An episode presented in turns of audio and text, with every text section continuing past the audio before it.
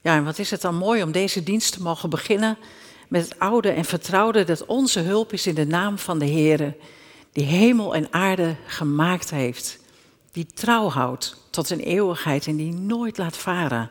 Het werk wat Hij in jou, in mijn leven begonnen is. Genade zij u en vrede in de naam van onze Heer Jezus Christus. Fijn dat jullie er allemaal zijn. Mooi dat we samen het woord van God mogen openen in deze tijd voor Pasen. Uh, en daarom wil ik ook een klein stukje lezen naast het stukje wat we gelezen hebben samen met uh, onze voorganger. En het is een gedeelte uit Lucas, Lucas 9. En het gaat over de strijd om de voorrang. En het gaat eigenlijk over een kind. En de Heer Jezus nam een kind en plaatste dat bij zich. En hij zei tegen hen, dat zijn zijn discipelen die, zich, die aan het overleggen waren wie nou het belangrijkste was van hun allemaal. En hij zei tegen hen, en ieder die dit kind, zo'n kind ontvangt in mijn naam, die ontvangt mij. En en ieder die mij ontvangt, ontvangt hem die mij gezonden heeft. Want wie onder u allen de minste is, die is groot. Laten we bidden. Ja, Heere God, we komen bij u deze ochtend. Uh, we leven toe naar Pasen. En we willen deze dienst en alles wat er gebeurt, alles wat we met elkaar delen, aan u opdragen. Ik wil bidden voor de zegen, voor de kids thuis, voor de ouders die zitten te luisteren. En we willen ons uitstrekken naar wat u ons te vertellen hebt. En dank u wel dat het altijd weer mooie en bemoedigende woorden zijn. Wilt u hier zijn met uw geest? Wilt u met uw geest zijn in de huiskamers? En raak ons daar aan waar we dat nodig hebben. Zodat we weer eh, bemoedigd en verkwikt en misschien ook wel uitgedaagd de komende week ingaan. En dat bidden we in uw naam. Amen. Het prachtige gedeelte wat Willem met ons las uit Colossense, daar wil ik één vers uitlichten, omdat dat het sleutelvers is voor deze ochtend. En dat is het vers Colossense 2, vers 6. Nu gij Christus Jezus, de Heere, aanvaard hebt, wandelt in Hem, geworteld en opgebouwd wordend in Hem, en bevestigd in het geloof, zoals jou dat geleerd is, overvloeiend in dankzegging. Dit is zo'n tekst, als je die hoort en leest, dan, uh, dan kun je daar heel lang op kouwen, althans ik wel. En deze morgen wil ik het uh, in de aanloop naar Pasen met jullie uh, hebben. Ik wil eigenlijk met jullie bomen, over bomen. Ik wil het met jullie hebben over het kind, over wandelen en wortelen.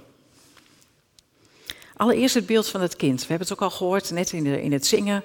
Het verlangen naar de lente die komt. Het kunnen dansen, het vrij uit kunnen bewegen. Uh, we zijn uh, met z'n allen hier bezig om uh, vanuit de tierkalender toe te leven naar Pasen. En de afgelopen week ging het ook over kind zijn. En vanuit dat kind zijn juist het verschil kunnen maken in deze wereld. Dus laten we daar eerst even mee beginnen. Dat kind wat centraal stond. En bij een kind denk ik dan aan een kind wat onbevangen is. Ik heb nog even op internet zitten struinen naar filmpjes. Staan hele leuke filmpjes op over wat kinderen zeggen over de Heer Jezus. Uh, maar heb ik om de tijd niet voor gekozen. Maar dat kun je zelf met je kids leuk bekijken. Die zijn vast heel handig op internet. En als je dan die kinderen ziet, dan zijn die onbeschaamd en onbekommerd. En ze denken niet zo lang na voordat ze wat zeggen. Ze weten ook nog niet zo heel veel, want het hoeft ook nog niet.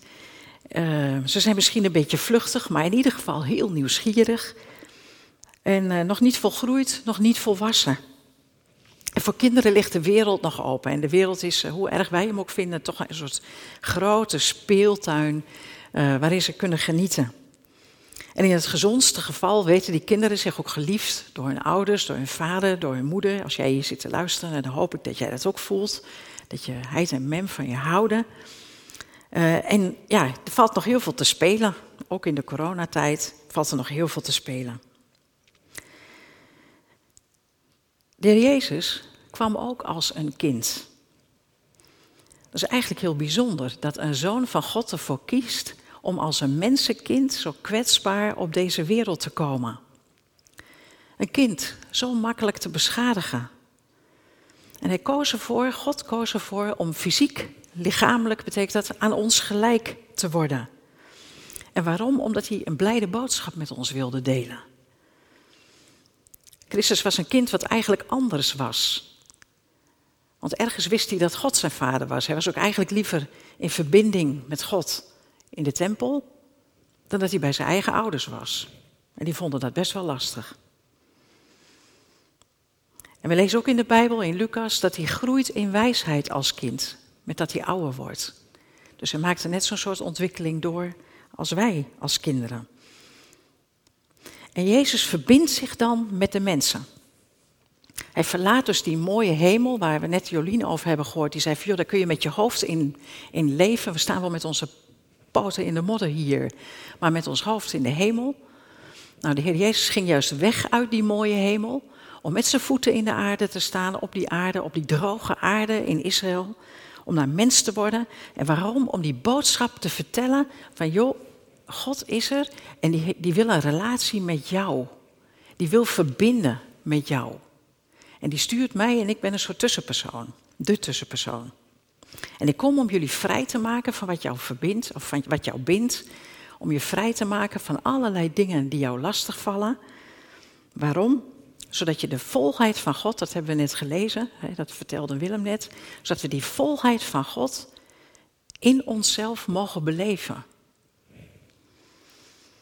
De Heer Jezus ging het niet om de buitenkant. De Heer Jezus koos niet voor uiterlijke schijn. Maar die ging het om de binnenkant. Die vraagt zich nu af, hoe is het met jou? En hoe gaat het met jou? Wat drijft jou? En hoe kan ik mij met jou verbinden? Dus we zien dat die goddelijkheid kind wordt, kwetsbaar en vanuit dat kind zijn uitstrekt naar de mensen, naar jou en naar mij. En Jezus neemt dat kind heel serieus, hebben we net gelezen. En daar staan we vaak niet zo bij stil. Het is wel een verhaal wat misschien op, uh, op uh, zondagsscholen wel gedeeld wordt, of in kindernevendiensten. Maar hij neemt dat kind heel serieus. En ik vind het zo mooi hoe hij hier, hier, dat kind pakt.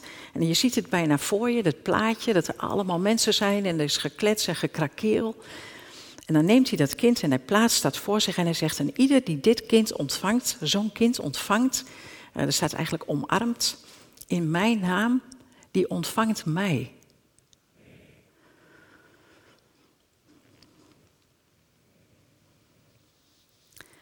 Zijn discipelen waren bezig met de buitenkant. En ook wel een beetje binnenkant. Die waren ook bezig met welke gaven en talenten hebben wij eigenlijk. Dat vinden wij ook leuk om mee bezig te zijn. Wat kunnen wij? Wat kunnen wij in Gods koninkrijk? En wie heeft straks de beste kaarten om met eh, Jezus samen te regeren? Daar waren ze mee bezig. Dat vonden ze belangrijk. En dat snap je ook wel. En de Heer Jezus zet, zet daar juist dat kind tegenover. En eigenlijk als je over die tekst gaat kouwen, dan staan we hier vanavond nog. Want het is eigenlijk een hele bijzondere tekst dat de Heer Jezus zegt, als je een kind ontvangt, ontvang jij mij. Dus als je nu als kind zit te luisteren, dan zegt de Heer Jezus eigenlijk tegen jouw ouders van, hé, hey, je hebt deze kinderen gekregen en daarin heb je mij ontvangen. Dus God verbindt zich aan jou als kind en komt zo jouw gezin binnen bij jouw vader en moeder. Dus de Heere God in Jezus verbindt zich niet met de sterke mannen en de sterke vrouwen van deze wereld. Die verbindt zich gewoon met ons als kinderen. Er zit een bepaalde grootheid in. En die grootheid zit niet in jou als kind, maar die grootheid zit erin dat God in jou is. En eigenlijk het cadeau is daarmee aan jouw ouders. Joh, daar zou je ze zo nu en dan even aan moeten herinneren. Hè? Als het eh, allemaal niet zo lekker gaat even. En misschien vinden wij het wel heel moeilijk om te vatten. Maar de Joden begrepen het wel hoor. Want de Joden kenden Psalm 1. En die wisten dat de, de Heer, sorry, Psalm 8, dat de Heer uit de mond van kinderen en zuigelingen zijn sterkte grondvest, neerzet. Dus zij begrepen dat wel. Je voelt je dus, je mag je eigenlijk, of je hoeft je eigenlijk ook nooit uh, minderwaardig te voelen als kind. Want de Heer Jezus geeft jou zo'n enorme waarde, daar word je koud van. En voor ons als ouders is het ook wel wat om ons dat te herinneren. Van hoe onze kinderen ook zijn, wat ze ook doen. Wat wij doen aan dat kind, dat doen we dus eigenlijk aan de Heer. Mooi, ga je toch je keuzes misschien even herbezinnen. Nou, dat is één ding over het kind zijn. Het tweede waar ik even wil naar kijken is dat wij in de gemeente of in de kerk ook heel vaak zeggen van ja, wij gebruiken dat kind ook. Hè. Zeggen dat wij kinderen van God zijn. Uh, Lucas 6, wij zijn zonen en dochters van de Allerhoogste God. Dat mag je weten. We zingen daar ook over. We zingen dat we een kind van God zijn. En we zingen over de verbondenheid met God daarin. Dus we zijn niet fysieke kinderen van God, maar we zijn geestelijke kinderen van God. We hebben dus niet alleen een aardse, hemel, een aardse vader en een moeder, maar we hebben in God een hemelse vader en moeder. En God houdt van ons allemaal, zoals we hier zitten, als jullie daar zitten, evenveel. Er zijn geen stiefkinderen, er zijn ook geen lievertjes. God houdt van ons allemaal evenveel. Dus je mag je heel erg geliefd voelen en weten. Niet alleen voelen, maar ook weten. En soms kun je daar als, uh, als volwassene naar verlangen. Ik had altijd een groot gezin gewild. Ik ben dankbaar dat ik een dochter heb gekregen. Maar ik had zo verlangd naar meer kinderen. Waarom? Omdat ik dat zo mooi vind ook om die kinderen op te zien groeien. Want die hebben dat onbevangene waar we het net over hadden. En het is zo mooi om dan door die ogen van die kinderen te zien hoe ze de wereld ontdekken. En je kunt er ook op geestelijk niveau ook naar terug verlangen. Ik weet niet of jullie dat wel eens hebben. Daar zie je van die jonge hondengelovigen, die zijn net tot bekering gekomen. En die gaan er helemaal voor en die gaan het woord en daar graven ze in. En dan denk je, oh, wat is dit mooi, wat is dit geweldig, wat heerlijk. En dan kun je ook naar terug verlangen. En dan kun je soms naar jezelf kijken en denk ik, hé, hey, waar, is die, waar is die eerste liefde bij mij gebleven? Waar ben ik dat kwijtgeraakt? Dus dat kind zijn, dat jongen, dat, dat dartelen, dat onbevangen vertrouwen wat je hebt in God, dat kan soms naar de achtergrond raken. En toch daagt Paulus ons uit om volwassen te worden en niet in dat kind zijn te blijven hangen. Hij daagt ons uit om niet alleen maar melk te nemen, maar ook het vaste voedsel. En hij verwijt in 1 Korinthe de gelovigen juist dat ze gewoon maar wat babytjes in het geloof gebleven zijn. Terwijl de gemeente van Korinthe had van alles in huis aan gaven en talenten. Dus daar zat het hem niet in. Dus blijkbaar ging het er niet om wat je aan gaven en talenten in huis hebt. Je potentieel, zeg maar, wat je allemaal kan. Maar het gaat erom, hoe groei jij op? En terwijl we fysiek volwassen worden en groot worden, wil dat niet zeggen dat je dan ook geestelijk ook volwassen wordt. Als we fysieker ouder worden, dan zul je merken van, we gaan dromen realiseren. We hebben dingen die we heel graag willen en dat lukt. Er zullen ook dingen zijn die niet lukken. We zullen illusies armen raken, kwijtraken. En soms raken we in de hele hectiek van het leven ook God een beetje kwijt. En meestal gaat het niet van de ene op de andere dag. Meestal is het een heel geleidelijk proces. En misschien ken je dat wel, dat je een beetje leeft op de automatische piloot, en zeker in deze tijd. Uh, je staat op, je eet, je drinkt, je gaat achter je pc zitten en smiddags eet je en drink je en daarna ga je weer achter je pc zitten en s'avonds eet je je hapje, je drankje, misschien een wijntje en ga je daarna weer achter de pc zitten en je gaat naar bed. En de volgende dag ga je precies hetzelfde uh, routetje nog een keertje draaien en nog een keer en nog een keer. We sukkelen maar wat door en soms dan gebeurt het dat je morgens wakker wordt en denkt, oh, dus de tv staat nog aan. Want ja, je was wel samen naar, boven gegaan, maar ja, de een zat nog met een spelletje en de ander keek nog een programmaatje. En ondertussen, ik probeer het zo glansloos mogelijk te vertellen. uh, waarom? Omdat, je, omdat dit zo'n zo'n tegenstelling is met die volheid van God die Hij ons beloofde in Colossense. Want die twee beelden staan zo ver uit elkaar. Dus als je gaat kouwen op deze tekst en je ziet de realiteit waar we in zitten, dan kan het zo tegenstrijdig lijken. En soms zeggen we dan, ja, we zitten een beetje vast. Daar had Jolien het net ook al over. Ja, we zitten een beetje vast. Schiet niet meer op, zit geen beweging meer in, we genieten niet meer. Uh, de glans is er wat af. En misschien ben je net het andere karaktertype en ga je dan juist van kick tot kick. Nou, dat is best wel lastig in deze tijd, want er valt niet meer zoveel te kicken. Uh, dus dan heb je dat ook niet. En dan, ja, en dan? En als je dan eerlijk tegenover jezelf bent, dan zeg je, ja, weet je, ik ben een gelovig mens, maar die volheid van Christus, dat enorme enthousiasme, ik ben dat wat kwijtgeraakt. En het gekke is dat dan, dan zeggen we, we zitten een beetje vast, maar tegelijkertijd, hoewel we dat zeggen, zijn we helemaal niet verbonden met God of met onszelf. Want dat geestelijk volwassen worden in Christus, dat is best een dingetje. Dat is toch nog niet zo simpel als dat het soms lijkt. We lezen er soms ook heel makkelijk overheen. Want weet je, met die gaven en talenten bezig zijn, dat vinden we wel leuk. Maar vrucht dragen, en daar gaat het dan om, dat is toch een ander paar mouwen. Want het gaat zo moeizaam. En het duurt ook soms zo lang. En een van die vruchten is bijvoorbeeld geduld.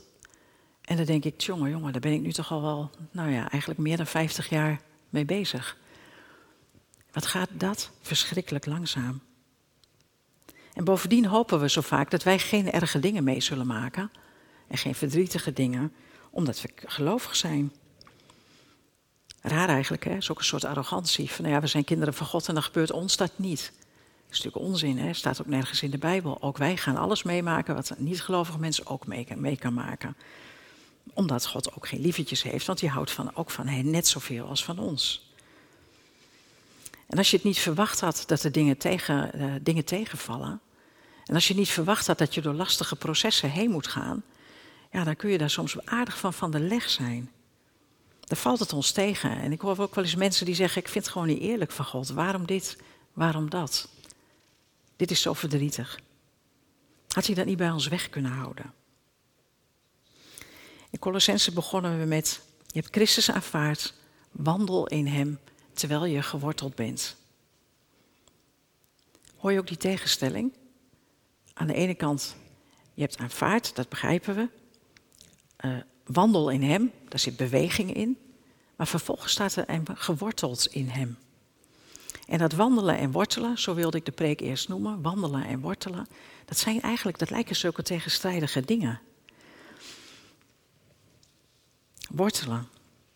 Als ik denk aan bomen en wortelen, dan schiet gelijk die tekst uit Jeremia 17 mij te binnen. Die wil ik ook graag met jullie lezen, want die verwijst naar de boom uit Psalm 1. Gezegend is de man of vrouw die op de Heer vertrouwt. Hij zal zijn als een boom die aan het water geplant is, die zijn wortels tot aan de beek uitslaat en het niet merkt als de hitte komt, waarvan het loof groen blijft en die in een jaar van droogte geen zorg heeft en niet nalaat vrucht te dragen. En dit beeld zou ik willen verbinden met dat kind.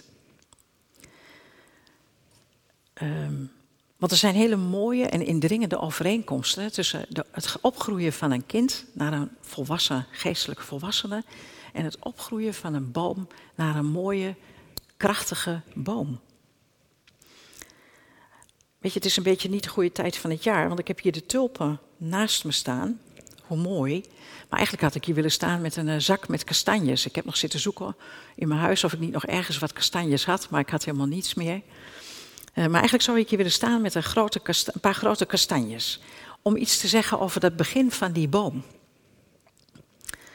Want het begint eigenlijk met dat die kastanje zichzelf moet overgeven, of de eikel, of het graan, of whatever, moet overgeven aan de aarde.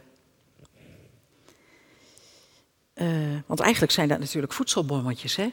dat graan en uh, zo'n kastanje, dat zijn voedselbommetjes. En die moeten dan in de aarde en dan gaan ze openbarsten. En als je een van de kinderen bent, heb je dat vast ook wel eens gedaan op school. Dat je met kleine zaadjes dat gedaan hebt, op uh, van die watte kussentjes. En er wat water bij en dan groeit de tuinkers daaruit. Hè? Dat is ook zoiets. Dus, maar dat graan kan ook denken, ik wil niet veranderen. En die kastanje kan ook bij wijze van spreken niet echt denken, ik doe het niet. Ik wil mezelf blijven. En dan gaat hij dood. Dan verrot hij. Als je dat ook ziet, soms zie je dat in de aarde. Als je met je tuin bezig bent, dan zie je daar vruchten die dood zijn gegaan. Die hebben niet hun leven gegeven om vrucht te gaan dragen. Maar die zijn bij zichzelf gebleven en zijn dood gegaan. Jezus zegt, als je niet bereid bent om jezelf over te geven, en daarin spreekt hij natuurlijk hè, ook over zichzelf, want ook hij moest die bereidheid hebben om alles los te laten en echt te willen sterven voor ons. Uh, maar als je niet bereid bent tot die overgave, dan sta je stil. Dan is er geen groei, dan is er geen volwassenheid, dan is er ook geen vrucht. Zaad wat in de aarde sterft, valt en sterft, dat verrot gewoon. Het blijft zichzelf, maar het heeft geen kiemkracht. Geen wandelen, niks wortelen, geen van. Je maakt ook niet het verschil, terwijl we dat wel zouden willen maken als christenen. Een glanzende kastanje op een herfsttafel is natuurlijk mooi. Maar ja, dat is niet het doel of het nut van die kastanje. En zo is het eigenlijk ook met onze levens. Ook wij kunnen in onszelf prachtig zijn. Alleen we zijn niet bedoeld om zo te blijven. Dus wat Jezus aan ons voorleeft, is dat hij als kind opgroeit en zichzelf in zijn leven overgeeft aan de Vader en uiteindelijk zijn leven neerlegt. En zegt van ik ben bereid om in de aarde te gaan, gebroken te worden en vrucht te gaan dragen. En wat voor vrucht heeft hij gedragen? Kijk eens naar om je heen, in je, in je kamer, in je huis, naar alles wat er om je heen zit, wat ook gelovig is. En allemaal vruchten eigenlijk van Christus. Dus als die kastanje in de aarde valt, dan gaat hij kiemen en dan maakt hij wortels. En uh, de aarde die eromheen zit, die geeft steun aan die wortels. Maar andersom ook. De wortels geven steun aan de aarde. En daar maken bomen ook het verschil. Denk maar eens aan de kap in de woestijn, woestijn moet je mij horen. Denk aan de kap uh, in de, de, grote bossen in uh, Zuid-Amerika. Waar je merkt van als daar de bomen gekapt worden, dan, wordt, dan erodeert de aarde. Er blijft een soort desolaat landschap over. Want de wortels die die aarde bij elkaar hielden, die zijn weg. Bomen maken het verschil. Ik zocht het woord tropische regenwouden, was het even kwijt. Dus alleen al met de wortels maken die bomen verschil. Als je je realiseert, en dat is een van de regels, uh, heb ik mij laten vertellen, dat alles wat boven de aarde staat aan boom, ook onder de aarde moet zitten aan wortels, dat het dus in balans is, zegt dat ook wat over ons, hoe wij mogen wortelen. Nou, dan komt, uh, na het kiemen komt dat stammetje, en voedingsstoffen die komen via dat stammetje, die gaan naar die takken en naar de blaadjes. En eigenlijk is dat ook al een wonder op zich. Het feit dat het, anorganische stoffen, dus niet op te eten stoffen, op worden genomen in water. En in die boom verwerkt worden tot iets waarvan die boom kan leven. Bizar. Laat staan dat ik kan uitleggen, ik heb het nooit goed kunnen uitleggen, dat via het licht wat op de blaadjes valt, er iets gebeurt wat fotosynthese heet, waardoor een boom nog verder groeit, maar waar die ook door in staat is om uh, zuurstof af te geven aan de hele wereld om zich heen. Dus bomen maken zoveel verschil, je moet er niet aan denken dat ze wegvallen. En doordat uh, dat hele proces zo gaat, ontwikkelt die boom niet alleen maar zijn eigen boom, maar heeft hij ondertussen met zijn wortelstelsel onder de aarde ook contact met andere bomen. Heel grappig zijn ze nu allemaal aan het onderzoeken. Het is eigenlijk een wonder op zich. Dat is ook een preek op zich, maar ik laat het even hierbij. Maar wat nou als er droogte komt? En wat nou als er wind komt? En we hebben de laatste tijd wat stormen gehad, hè? ook hier in Nederland. Wat dan? Wat gebeurt er dan met die bomen? En dat hebben ze onderzocht. Maar bomen blijken juist sterker te worden door veel wind. Want bij het ontbreken van wind worden ze juist kwetsbaarder. De groei en de samenstelling van de wortels en van de stam, maar ook van de takken, wordt beïnvloed door de wind. En de boom wordt daar sterker door, veerkrachtiger door. En wat ze hebben ontdekt is dat juist wanneer een boom wordt, uh, uh, uh, aan wind onderhevig is, dat hij daardoor sterker wordt ook om zichzelf te genezen. Dus het is een bijzonder proces dat juist die weerstand en juist die tegenkrachten de boom sterker maken. En onder invloed van zo'n storm worden dus prachtige bomen, krachtige bomen. En dan zijn ze helemaal sterk als ze samen gegroepeerd zijn. Want als dan een enorme rukwind komt, dan vangen die kronen van de bomen samen die wind op. En ondertussen voeren ze die wind en die energie ook samen af naar de aarde. Ik weet niet of jullie dat wel eens gelezen, maar in Arizona hebben ze een grote bol gemaakt. Het heet Biosphere 2. Biosphere 2. Uh, daar was geen wind en daar hebben ze ook um, bomen laten groeien met zaad. En die groeiden voor gek en onwijs, want er was geen wind. Dus er was niks aan tegenkrachten. Dus die groeiden enorm groot binnen no time in verhouding, met enorm mooie kronen van bomen. En dan plotseling stortten ze in. Want eigenlijk was hun stam niet sterk genoeg om die grote kroon te dragen. Dus ze merkten dat zonder wind die bomen eigenlijk niet op een gezonde manier volwassen konden worden. Het is natuurlijk mooi om de link naar ons door te trekken. Mooie lessen. Wij mogen ons voeden met het woord voeden met de Heer Jezus, voeden met, wat de Heer Jezus ons allemaal geeft. Eh, we mogen zijn liefde nemen, tot ons nemen. We mogen zijn genade pakken voor onszelf. Daar hebben we ook over gezongen. En we mogen weten dat we witter dan sneeuw zijn. Hoe bijzonder is dat? We mogen die verbinding pakken waarvan de Heer Jezus zegt: Oh, dit geef ik aan jou. Dit wil ik graag. Wij mogen dat licht het licht zijn, dat zout het zout. Wij mogen dat verschil gaan maken als volwassen gelovigen, volwassen bomen in deze wereld. Dat kunnen we niet omdat we zelf zo goed zijn. Dat kunnen we omdat we de juiste voeding en door de juiste processen heen gaan. En dan kunnen we zaken die ons misschien normaliter enorm kunnen beschadigen en verschrikkelijk verdrietig maken, uh, ons sterker maken tot Gods eer. De bereidheid om jezelf over te geven en daarna vrucht te dragen, hebben we denk ik de afgelopen weken ook kunnen zien. Het was verdriet, maar dat is ook een regenboog. Teken van Gods nabijheid en van Gods hoop. En tot slot, het derde punt naar de kinderen en het bomen of verbomen. Wandelen en wortelen kosten allebei tijd. Opgroeien kost tijd. Je bent niet van vandaag of morgen volwassen. En het is ook beter om niet van vandaag op morgen een grote boom te zijn. Wortelen heeft iets statisch in zich, of misschien is het beter om te zeggen iets fundamenteels. Er ligt een fundament. We hebben een klein olijfboompje en dat hebben we door de verbouwing bij ons huis al een paar keer moeten verplaatsen. Dus die heeft steeds niet goed kunnen wortelen. En ik kan jullie verklappen, dat heeft hem geen goed, heeft hem geen goed gedaan. Hij heeft eigenlijk nooit dat volwassen proces kunnen beleven. Dus ik denk dat we hem nog even bemoedigend moeten toespreken. Want hij heeft geen tijd gekregen. En eigenlijk lopen wij het risico ook, wanneer wij niet geworteld zijn, niet ons fundament vinden in Christus. Dan lopen we het risico dat we een tumbleweed worden, hè, waar we Willem over horen spreken. Eh, dat, dat zo'n bosje, zo'n droog bosje, wat maar meegaat op uh, ja, hoe de wind waait. En eigenlijk niks te bieden heeft. En zo kan ontvlammen en dan even licht geeft en dan ook weer zo weg is. In de kerk vond ik een, geen tumbleweed, want die hebben we hier niet. Het is hier veel te mooi opgeruimd. Maar ik vond wel dit. En ik dacht, ja, weet je, dit is eigenlijk op zich best een mooi takje. Maar ik denk niet dat het nog veel nut heeft, behalve iets decoratiefs. Dit gaat niet meer het verschil maken. Maar dat willen we eigenlijk wel als gelovigen. We willen geen leuk decoratief takje zijn. We willen het verschil maken. En dan gaat het niet om racen in Christus.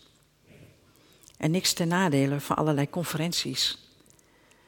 Sommige mensen van ons, en misschien ikzelf ook wel, zijn er wel mee bezig geweest. Van de, van de ene conferentie naar de andere gaan. Om maar gevoed te worden. Om maar die groeispurt te geven aan jezelf. En tegelijkertijd is het goed om je te realiseren van ja, maar weet je, echt groeien, volwassen groeien kost tijd. En er is harde wind voor nodig. En we gaan allemaal dingen meemaken die we niet makkelijk vinden, maar die ons wel gaan helpen om krachtig en prachtig te worden. Zit er dan nog wel beweging in? Ja hoor, die zit erin. Alleen het is een ander soort beweging. Het is niet het snelle scoren en met lange halen snel thuis. Maar het is eh, bewegen in de vrede van God en in zijn shalom. Zijn nabijheid, omdat je weet, God is de God Emmanuel. De God die met ons is. En daardoor komt er een soort rust en vrede dat je weet, ik mag wandelen met God. Dus wortelen en wandelen, ze sluiten elkaar niet uit. Maar ze versterken elkaar. Hoe meer jij vergroeid bent met Christus, hoe eenvoudiger het wordt om met Hem te wandelen en in Hem te wandelen. En dan kun je de wind aanvaarden. En dan gaan we ons, net als die bomen, juist met elkaar verbinden, want we hebben elkaar zo hard nodig, jongens. En dan durven we kwetsbaar te zijn, omdat we weten, we zijn allemaal kinderen van de Allerhoogste God. En als kinderen mogen we het leven met elkaar delen. Onze emoties, onze kwetsbaarheden en misschien ook wel onze streekjes die we zo nu en dan hebben. Dan wordt onze communicatie diepgaander. Dan laten we ons ego los. En dan kunnen we in de crisis, welke crisis dan ook, in Christus veerkracht ontwikkelen. En die veerkracht ontwikkelen kost tijd. Wortelen en wandelen. Iemand zei tegen mij: Ik weet precies hoe ik wil zijn als christen. Alleen de weg ernaartoe, die bevalt me niet. en dat snap ik wel. Ik wil graag wat kunnen, maar niet het leerproces. Nou, dat kun je al hebben met gewone dingen die je wil leren. Laat staan hiermee. Maar in de verbinding met Christus draagt Christus alles met ons mee. En dat vind ik zo mooi om te weten. En of dat is het sterven van een geliefde, het vertrek van een partner, uh, het kwijtraken van een kind, of misschien niet eens een kind krijgen terwijl je dat zo graag had gewild. Gemeenteleden die zo teleurstellen, weet je, Christus draagt met jou mee. En dan worden we die boom zoals die beschreven was in Jeremia 17. En dan kunnen we met Paulus beleven wat het is om te overvloeien van dankzegging dwars door alles heen. Juist door het geworteld zijn in Christus. En dan maken we het verschil. En dan vat ik alles samen, dan maken we het verschil als geliefde kinderen van God, die in vertrouwen op Hem uh, geloven dat Hij het gaat doen door ons heen. En tegelijkertijd zullen we dan staan en worden krachtige bomen, diep geworteld, veerkrachtig en levensveranderend. En psalm, de psalmist zegt in Psalm 96, eh, en dan zullen de bomen jubelen. En dan is wat mij betreft de cirkel rond. Van kind naar boom, naar jubelen tot Gods eer. Wortelen en wandelen jullie met me mee de komende week. En niet alleen de komende week, maar ook de komende weken. Willen wij proberen het verschil te maken de komende weken? Want dan zou ik dat heel graag van je willen horen. Uh, en dat zou ik dan heel graag weer willen verwerken in een stukje tekst in de cifra van de volgende keer. Dus als je van plan bent om iets met deze preek te gaan doen, niet als het lukt, hè, gewoon als je van plan bent om iets met deze preek te gaan doen, zou je me dat dan willen laten weten via krans.metanoia.nl? Dan schrijf ik de volgende keer een stukje in de cifra juist over dit gebeuren. Want lieve mensen, wij kunnen echt het verschil maken. Klein en groot, kind en boom. Amen.